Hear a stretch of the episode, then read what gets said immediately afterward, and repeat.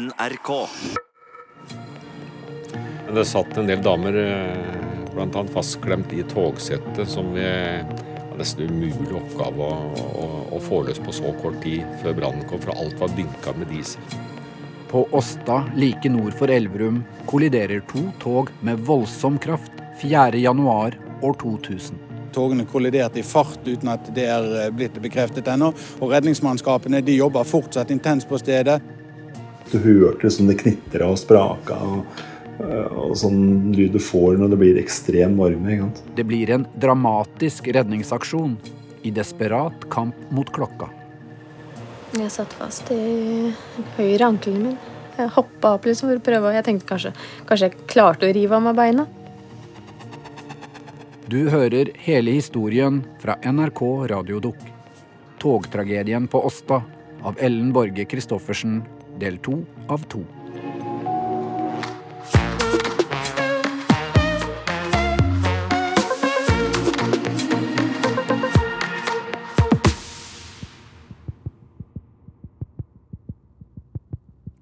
På ulykkesplassen ser det ut som det har gått av en kjempebombe. Kristoffer sitter fortsatt på setet sitt inne i det lille lokaltoget, som er fullstendig knust av kraften fra det store diesellokomotivet. Den eneste grunnen til at han lever, er fordi han sitter akkurat på den plassen han sitter. Og så ser jeg flammene opp på, på sida han sitter helt bakerst på venstre side på en vindusplass i kjøreretningen. Foten til Kristoffer sitter fast, men han ser ikke i hva. Han skjønner at han er i livsfare. Heldigvis da så er vinduet knust. Så jeg skjønner at her kan du ikke sitte. Så jeg, jeg får liksom røska rundt benet, for det sitter sånn delvis fast. En livsfarlig og eksplosiv brann sprer seg nå. I den voldsomme kollisjonen ble dieseltankene i begge toga revet opp, og tusenvis av liter med brennbar diesel spredd utover ulykkesområdet. Om kort tid vil alt være overtent. I den første vogna i det store toget sitter britiske Fiona og de sju andre vennene stive av skrekk. And Rich is the first to, to come into life, into action, and he says, Is everyone all right? Is everyone all right? And I, it's all I can do to croak, to get the words out, and I say yes, or just croak or something. I, I'm so frozen and stunned, I can't really speak. Og så hopper jeg bare ut av vinduet uten å tenke på det noe mer. Kristoffer i det lille lokaltoget. Og når jeg skal reise meg der, da kjenner jeg at jeg klarer ikke å reise meg, for da har beinet knekt. Den bakerste halvdelen av det toget som Kristoffer satt i, har blitt skjøvet åtte meter bakover på skinna av det kraftige smellet. Men den første halvdelen, som Kristoffer satt bakerst i, er det snart ingenting igjen av. Da brenner hele vogna rett etter det jeg kom med. ut.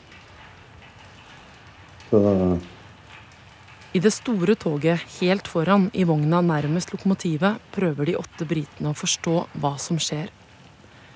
Vogna ser ikke lenger ut som en togvogn. I kollisjonen ble den brutalt vridd mellom lokomotivet og de to vognene bak til en slags klemt U-form. Aller verst ser det ut for dem i de midterste områdene i vogna. Der hvor 13 år gamle Stine satt seg. Så merker Fiona varmen fra flammene. De er ennå ikke trygge.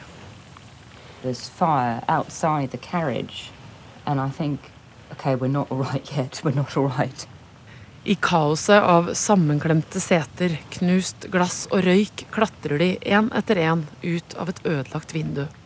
And so, one by one, we climb out of this window. It's dark in the carriage. I can't see very much. I, I don't know why it's dark. Maybe there's lots of smoke, but it just, I can't see. Brannen blir hissigere, og i den ubøyde vogna sitter flere livredde passasjerer fullstendig fastklemt. En av dem som sitter fast, er den 32 år gamle studenten Bente Larsen. Det var eh, Jeg husker eh, folk som stønna som holdt på å dø, liksom. Jeg satt fast i høyre ankelen min. Jeg hoppa opp liksom for å prøve. Jeg tenkte kanskje, kanskje jeg klarte å rive av meg beina. Men det nytter jo ikke, det. Det går jo ikke. Jeg klarte ikke å løsne det beina. Jeg var jo livredd. Jeg ropte jo ut at jeg sitter fast for å få folk til å høre meg. Skjønte jo fort at det kanskje var snakk om livet, liksom.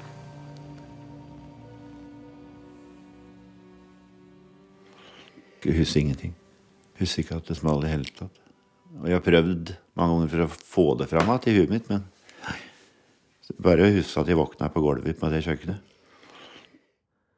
Den enorme smellen da de to toga dundra inn i hverandre, er bare et svart hull i minnet til konduktør Jan Anders Arneberg etter at han ble slengt rundt på det lille togkjøkkenet.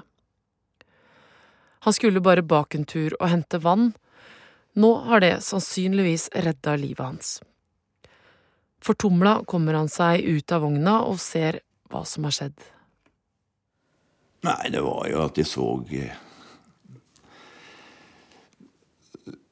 Så at det ikke var liksom noe særlig igjen av det toget vi hadde kollidert med. Og der var det i grunnen bare den bakre vogna som sto igjen.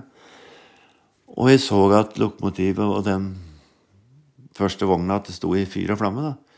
Det var jo flammer sikkert fem meter opp i lufta over toget. Så det var i grunnen ikke noe tvil om det, da. At folk hadde omkommet der.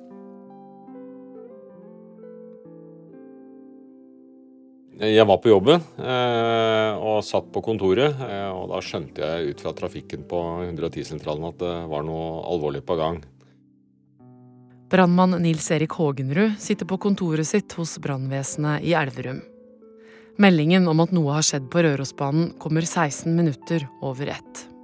Og Første meldingen den lød jo på at det var gnistdannelser i et tog.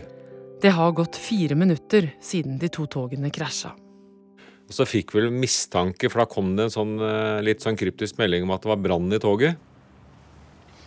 I don't see what's around me. I, we climb out of this broken window out onto the snow, and I follow the others in my group, and we walk well away from the train, which is on fire. Fiona og vennene kommer seg ut gjennom vinduet i togvogna og gjør en opptelling. And then Ben, who's in the group, starts counting, and he goes one, two, three, four, five, six, seven. Seven, there's only seven of us. And I look around, and Richard isn't there. And I panic, and I, I think I say, Rich isn't here. He's in the train. He's in the train. Richard, Fionas kjæreste, har blitt igjen for å hjelpe de skadde. Og flere gjør det samme. Nå leter de etter brannslokkingsapparater inne i togvognene som ikke brenner ennå. Kristoffer fra det lille lokaltoget ligger i snøen ved siden av de brennende togrestene. Og så kom de engelskmennene fra den andre sida. Og var veldig sånn Nei, kan ikke ligge her, kan ikke ligge her. Toget eksploderer. Og så krabber jeg bare lenger sørover igjen. da. Forbi vognsett nummer to.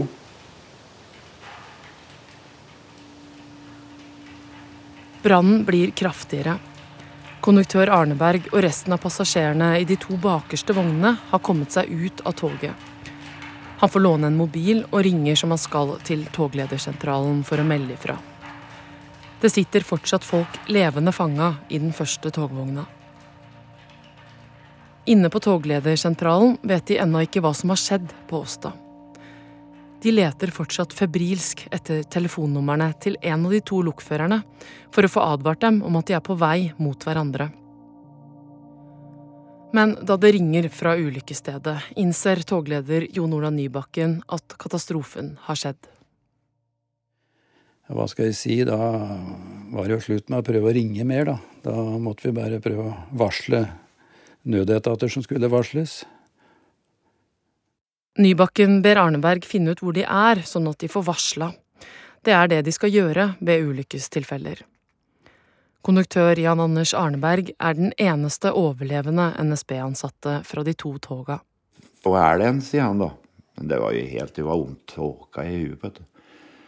Så jeg hadde jo kjørt den mange men jeg visste ikke, ikke peiling på liksom hva jeg var. Så da måtte jeg ut og så se For jernbanestrekningen er, er merka opp med kilometermerker og 100 meter fra Oslo. Arneberg løper et par hundre meter bakover på skinna mot det nærmeste kilometermerket. Han har vondt i ryggen og klarer ikke rette seg helt opp. Så da fløy jeg bakover og så til kom vi til 183. da. Så da er vi 183 km fra Oslo, og da vet toglederen hvor vi er. da. Og det var jo et merkelig sted. Vi var jo da ved, like ved Åsta, da, som det heter der. Jeg visste jo ikke hvor dramatisk dette var. Det var jo en forferdelig brann og røyk, så det var ikke så veldig viktig. Jeg fant ut etterpå det å terpe på dette med kilometer, men eh, det er jo der vi spør etter bestandig når det skjer noe, da. Brannmannskapene i Elverum er allerede på vei til det de tror er en mindre brann i et tog. Men så passerer de broa over Glomma. Eh, og da når vi, jeg passerte, eller brannbilen passerte Glombrua og vi så all røyken fra skadestedet, så eh, ba jeg da 110-sentralen å sende full katastrofealarm, så få ut mest mulig mannskaper og ressurser og utstyr. Da skjønte jeg at det måtte være noe mer alvorlig enn en gnistdannelse i et tog. På ulykkesplassen løper flere passasjerer rundt og prøver å redde ut folk. Men mange sitter fullstendig fast. En av dem britiske Fiona husker best, er Bente. One of the women, Benta, I think I remember, he stays with her for quite a long time talking to her because she's trapped and he can't get her out. But he knows the emergency services are on the way, and they are.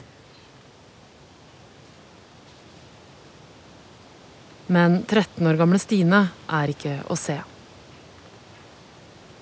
Sterkeste bildet var vel kanskje det akkurat når vi svingte ned av rv. 3 og ned på stedet der. Og du så at eh, det var et inferno som du aldri hadde trodd skulle kunne skje. Brannmann Nils Erik Hågenrud. Nei, jeg ser jo alt foran meg ennå. eh, Med flammer og røyk og mennesker som ligger på snøkantene. eh. Folk står og vinker og roper. Alle vil selvfølgelig ha hjelp osv. Så, videre. så det ligger det ser helt klart ennå. Konduktør Jan Anders Arneberg puster letta ut når redningsmannskapene er på plass. Og så får han øye på engelskmennene. Og dum. overlevde alle sammen. Og det var jeg litt nervøs for, da, for at jeg, jeg hadde jo flyttet dem. På den verste plassen som du kunne tenke deg, liksom, på en måte, der, i ettertid. Men eh, så overlevde de alle de, og var med og hjertet folk ut. og Sjøl om de ikke hadde fått på seg skoa, så fløy de i sokkelesten og hjertet folk ut. Og vi mm, har fått en oppfordring fra politiet øh, om å, å be alle bilister nå som befinner seg mellom Brumunddal og Hamar, og videre fra Hamar til Elverum, om å slippe to utrykningskjøretøy og eh, flere brannbiler frem. Det var eh, kroppsdeler der. eh, Det var folk som satt fastklemt. Eh, Det var stor brann i toget. Brannmann Nils Erik Hågenrud. Eh, Og det første som slo meg, i hvert fall, det var jo det brannen i den vognen hvor det satt fastklemte mennesker. Politi, ambulanser og brannmenn skjønner fort at all innsats må rettes mot den uforma, brennende vogna. Det er det eneste stedet folk fortsatt sitter fast og er i live. Eh, Og så traff vi de engelskmennene som fortalte at eh, de hadde snakka med ei jente som satt fastklemt under vogna. eh, Og som måtte prøve å hjelpes ut. Jenta er Bente. I tillegg sitter mellom fire og seks personer fast et annet sted i samme vogna. Metall og togseter er knust, vridd og klemt sammen rundt dem. Det er så varmt at vogna er rødglødende. Jeg, jeg, jeg var jo i kontakt med de som satt fastklemt. Eh, og, og de var veldig rolig. Bemerkelsesverdig rolig. Men veldig ofte sånn så blir man eh, litt sånn, eh, i hvert fall hvis man sitter fastklemt og er så hardt skadd, så, så det blir adrenalin og sjokk og alt sånt noe gjør at man eh, blir ganske stille. Hvis du hoier og skriker mye, det er et ganske tegn på at du kanskje ikke er så hardt skadd. Brannmennene klarer snart å få lagt inn en brannslange gjennom en sprekk i toget der Bente sitter fast, sånn at hun skal holde flammene unna. Jeg prøvde å få henne til å være rolig, da, selvfølgelig, og si at vi er her, vi skal få deg løs, eh, osv. Eh. Eh, og, og, vi la inn en slange til henne, så jeg var inne og slokke og kjøle hvis det ble varmt. For hvis du kjøler for mye, så fryser du eh, og får problemer med det. Og kan omkomme pga. det, selvfølgelig. Bente klamrer seg til slangen. Hun hører de andre i vogna bli mer og mer stille. Her er NRK Dagsnytt med en ekstrasending. To tog har kollidert på Rørosbanen like nord for Elverum i ettermiddag. Ulykken skjedde ved Åsta stasjon i Åmot kommune i Hedmark. Og vi har med oss politiinspektør ved Elverum politikammer, Jostein Løken. Hva har skjedd? Vi kan bekrefte at to tog er kollidert ved Åsta i Østerdalen ca. klokken 13.00. Politiet mottok melding om dette klokken 13.14. og vet så langt at uh, til sammen 96 passasjerer befant seg i togene. Jeg husker ikke første beskjeden, om det kom fra noen, eller, men jeg veit at det kom jo på TV veldig fort. Tor Håvard Helseth og familien hører om togulykka på nyhetene. Det første han tenker, er at han må få tak i lillesøster Stine, som er alene på toget. Vi hadde fått mobiltelefon til jul faktisk. De gode gamle som man drar ut antenna på full pakke. Jeg husker at vi prøvde å ringe mobilen til Stine, og vi fikk ikke svar. Det er liksom det første jeg husker av at vi fant ut og skulle da prøve å ta kontakt for å høre om det har gått bra. Mm.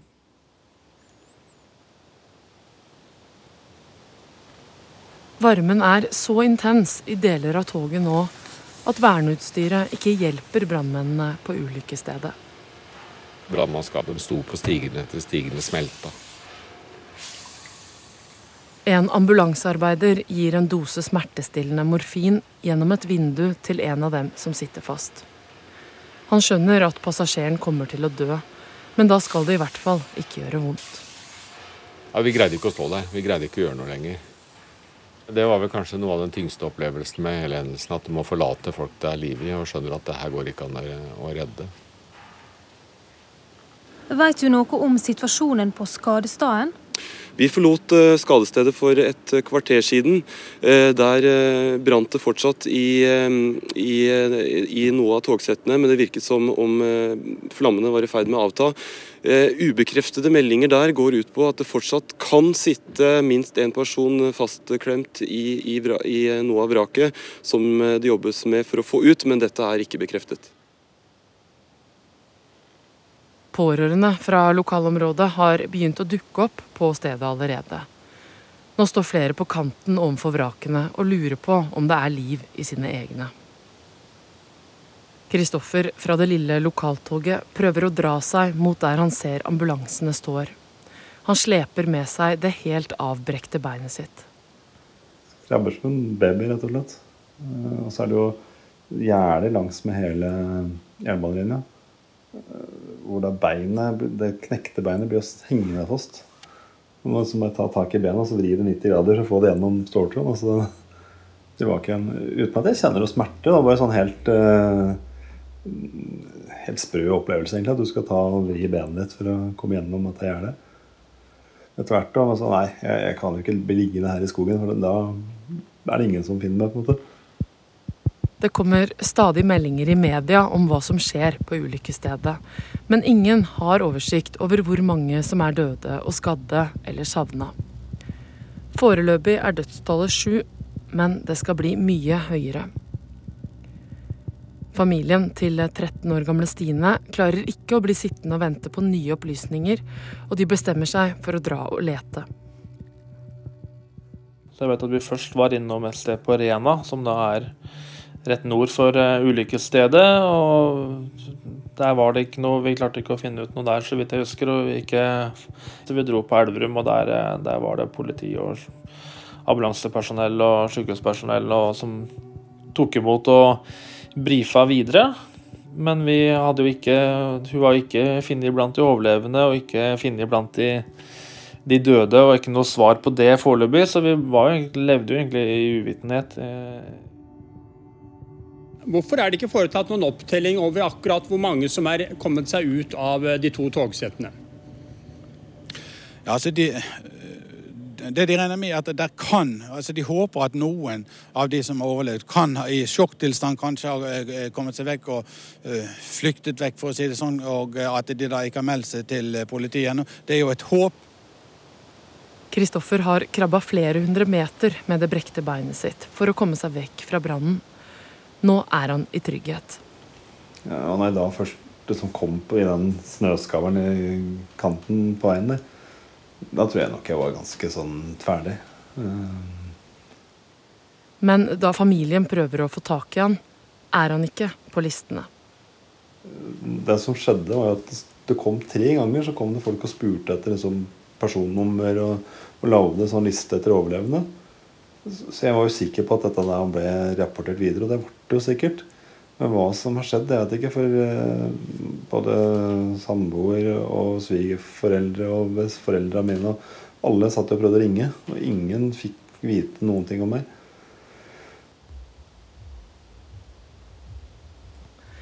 Timene går, og brannmennene jobber fortsatt med å få ut den unge kvinnen Bente, som sitter fast under den ubøyde vogna. Det er en kamp mot klokka. De prøver å skjære seg inn til henne, samtidig som de prøver å holde flammer og røyk unna. Hun er den eneste igjen som er i live i togrestene. Vi måtte klippe oss inn den vogna fra taket. Brannmann Nils Erik Hågenrud. Bit for bit måtte vi skjære ut for å, å, å fjerne både de ja, omkomne kroppsdeler fra omkomne osv. for å komme inn til henne der hun satt inne i en sånn liten krok inni vogna der. En lege vurderer fortløpende om de må amputere beinet til Bente for å få henne ut. Eh, og hun greide da å beholde roen. altså Jeg snakka med henne flere ganger. Det var jo helt fantastisk at hun Jeg var jo livredd for at hun skulle få panikk, for det er nesten det verste som er da, vet du. Men så, etter fire timer fastklemt, klarer redningsmannskapene å få løs Bente. Uten amputasjon og uten store fysiske skader. Så når vi greide det, så var det jo applaus oppå brinken der. Så det var jo ganske spesielt. Så Nei, ja, det var ganske tøft. Mm.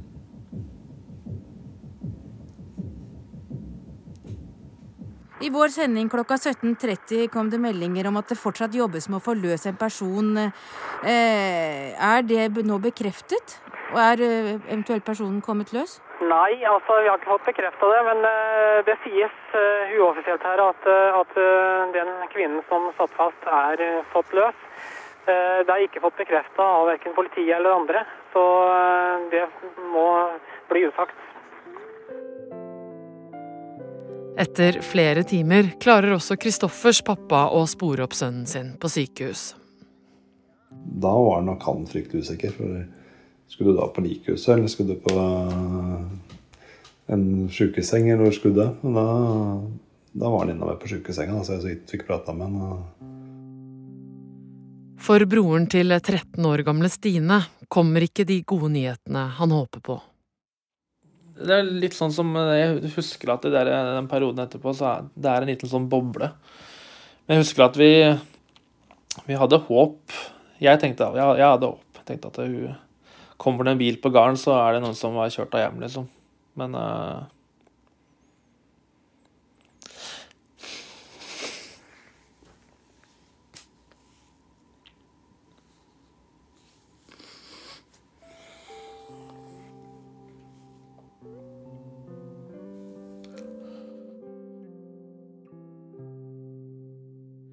Men hvordan er det mulig at to tog kjører mot hverandre i flere minutter uten at de stoppes?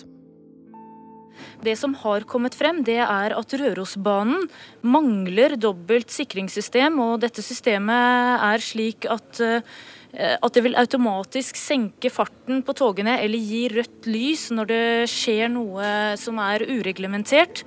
Og um, her har altså disse to togene, kan det se ut som, har kjørt flere kilometer mot hverandre på samme spor uten å vite det. Jernbanedirektør Steinar Killi har hatt jobben i et halvt år, da han må svare på kritikken om den manglende sikkerheten i Redaksjon 21 på NRK TV allerede samme kveld. Programleder er Knut Olsen.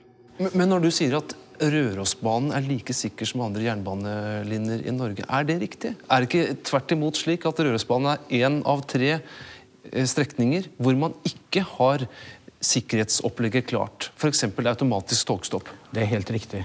Slik at det som er eh, da å beklage at vi ennå ikke har fått eh, investert i automatisk togdrift, eh, eh togstans på, på Rørosbanen. Hvis vi har hatt det, så er det klart at man kan vurdere om dette har skjedd i det hele tatt. Tidligere var det personer som sendte togene fra stasjon til stasjon. Men da ulykken skjer, er signalene fjernstyrt fra togledersentraler. Det vil si at før ville det nordgående toget på Rustad stasjon først kunne kjørt til Rena etter at ansatte på begge stasjonene hadde kommunisert at det var klart på sporet. Da jernbanen i Norge ble moderne og fjernstyrt, skulle den gjøres sikker ved å installere ATS, et automatisk bremsesystem som stopper tog automatisk hvis det ved en feil kjøres på rødt lys. Problemet var at Rørosbanen var omtrent den eneste strekningen som ikke hadde fått ATS. Det ble nemlig utsatt gang på gang. Hvorfor er det ikke installert der? Er det fordi trafikken der er mindre enn andre steder? Jernbanedirektør Steinar Killi i Redaksjon 21. Det er fordi at eh, vi har eh, tatt dette i rekkefølge hvor, dette, eh, hvor vi installerer dette, hvor det er mest trafikk. Og Rørosbanen og deler av Nordlandsbanen, som har minst trafikk, de kommer da til slutt. Men det var ikke bare automatisk bremsing som mangla.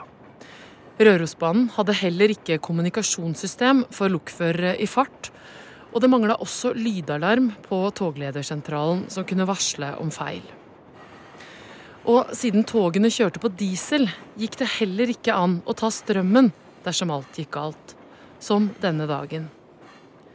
Rørosbanen, som ikke var så travel, sto aldri først i køen for modernisering.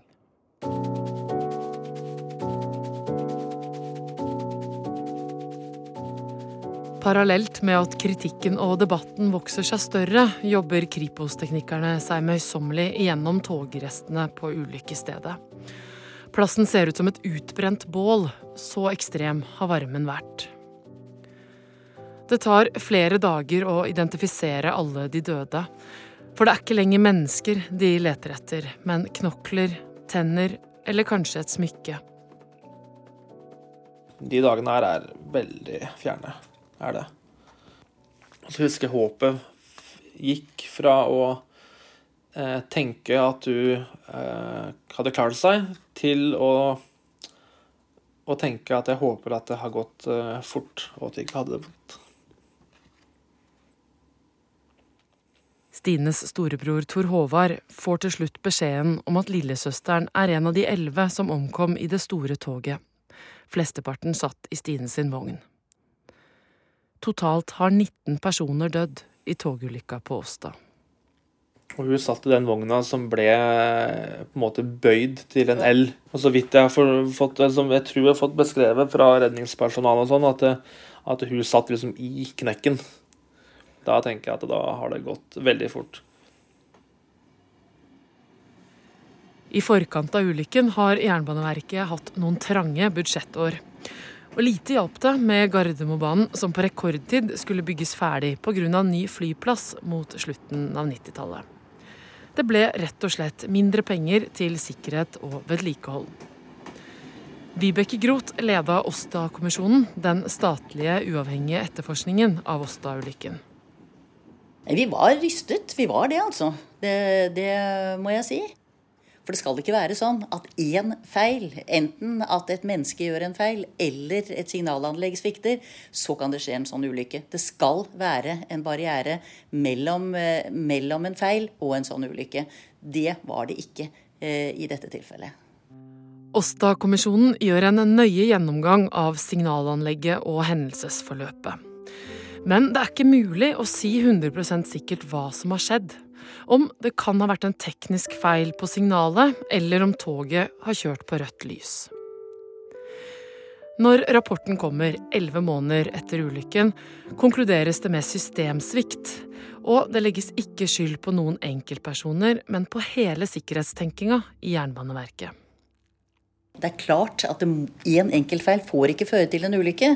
Og når vi da så hvordan man systematisk nærmest hadde unnlatt å følge opp endringer man gjorde eh, i en, en, jernbane under stadig modernisering, ved å, ved å da analysere hva vil en sånn endring lede til, Altså Det hadde ikke skjedd. Og det igjen førte jo da til at eh, det ble stor forskjell på Rørosbanen med dieseldrevne tog og moderniserte, elektrifiserte baner, som hadde automatisk togstopp ved kjøring mot rødt. De hadde togradio for sikker kommunikasjon, og de hadde lydalarm på togledersentralene. Og det gjorde at eh, Rørosbanen rett og slett var veldig utrygg i forhold til eh, de andre banene. Togleder Jon Ola Nybakken, som var på jobb ulykkesdagen, har det tøft i etterkant, selv om togledersentralen fritas for all skyld. Ja visst er det det. Og du føler jo at alle ser på det, da, vet du. Men eh, jeg har ikke fått noen ubehagelige kommentarer i hele tatt. Det er noen kommentarer, så det, det har gått bra. Men du følte de så på deg? Hvordan da tenkte du da? Nei, altså andre folk, da. Privatfolk og nabolag og greier. At de kanskje så på meg, men eh, de gjør jo det ellers òg. Så. Men hva var det du tenkte at de kunne tenke? Nei, altså det er jo han, ikke sant. Men det, det er borte vekk nå. Med andre ord ble det i ettertid klart at på Rørosbanen gikk det ikke an å stoppe to tog på vei front mot front på samme togsporet når det først har skjedd en feil. På Rørosbanen ble det fullt og helt stolt på at lyssignalene virka, eller at menneskene som jobba der, aldri gjorde feil. Når vi så det, forsto det, så gjorde det ordentlig vondt. Vibeke Groth, leder av Åsta-kommisjonen. Det var jo egentlig ganske små ting. Og så hadde man ikke ordnet med dette, og så fikk noe så forferdelig skje. Funnene etter togulykka er så slående at Jernbaneverket får en bot på 10 millioner kroner. Det var den største boten et selskap hadde fått i Norge. Den klandrer heller ingen enkeltpersoner, men gir Jernbaneverket skylda for at det ikke var sikkert nok å kjøre tog på Rørosbanen. Tor Håvard, Stines storebror. Jeg tror etter kanskje seks, sju, åtte år så tror jeg det slo meg en dag at eh, nå tror jeg ikke jeg har tenkt på det på et par dager. Men eh, det Ja. Og det er synd at, at det må en ulykke til for å liksom skjerpe beredskap og sikkerhetssystemer, det, det, skal jo ligge i forkant og ikke i etterkant. Og at det skulle gå utover oss, det er bare Hvorfor det? Men uh, ja. Etter Åsta-ulykken ble ikke bare Rørosbanen, men hele jernbanenettet i Norge utbygd med bl.a. en pålitelig togradiokommunikasjon. Jernbaneverket og NSB setter en ny sikkerhetsfilosofi på dagsorden i åra som kommer. Nå skulle jernbanen klare å oppdage potensielle farer i forkant. 19 menneskeliv var 19 for mye. Konduktør Jan Anders Arneberg er fortsatt konduktør på Rørosbanen. Om ett år blir han pensjonist. Nei, jeg tenker bare registrere når jeg kjører forbi der. Men eh, det hender jo jeg møter noen som mista noen der og sånn som tar toget Jeg er glad for at de tar toget. Det er nok ikke alle som gjør det heller. Når du tar toget selv, da? Da slapper jeg av og koser meg. Etter min mening det beste framkomstmiddelet som fins.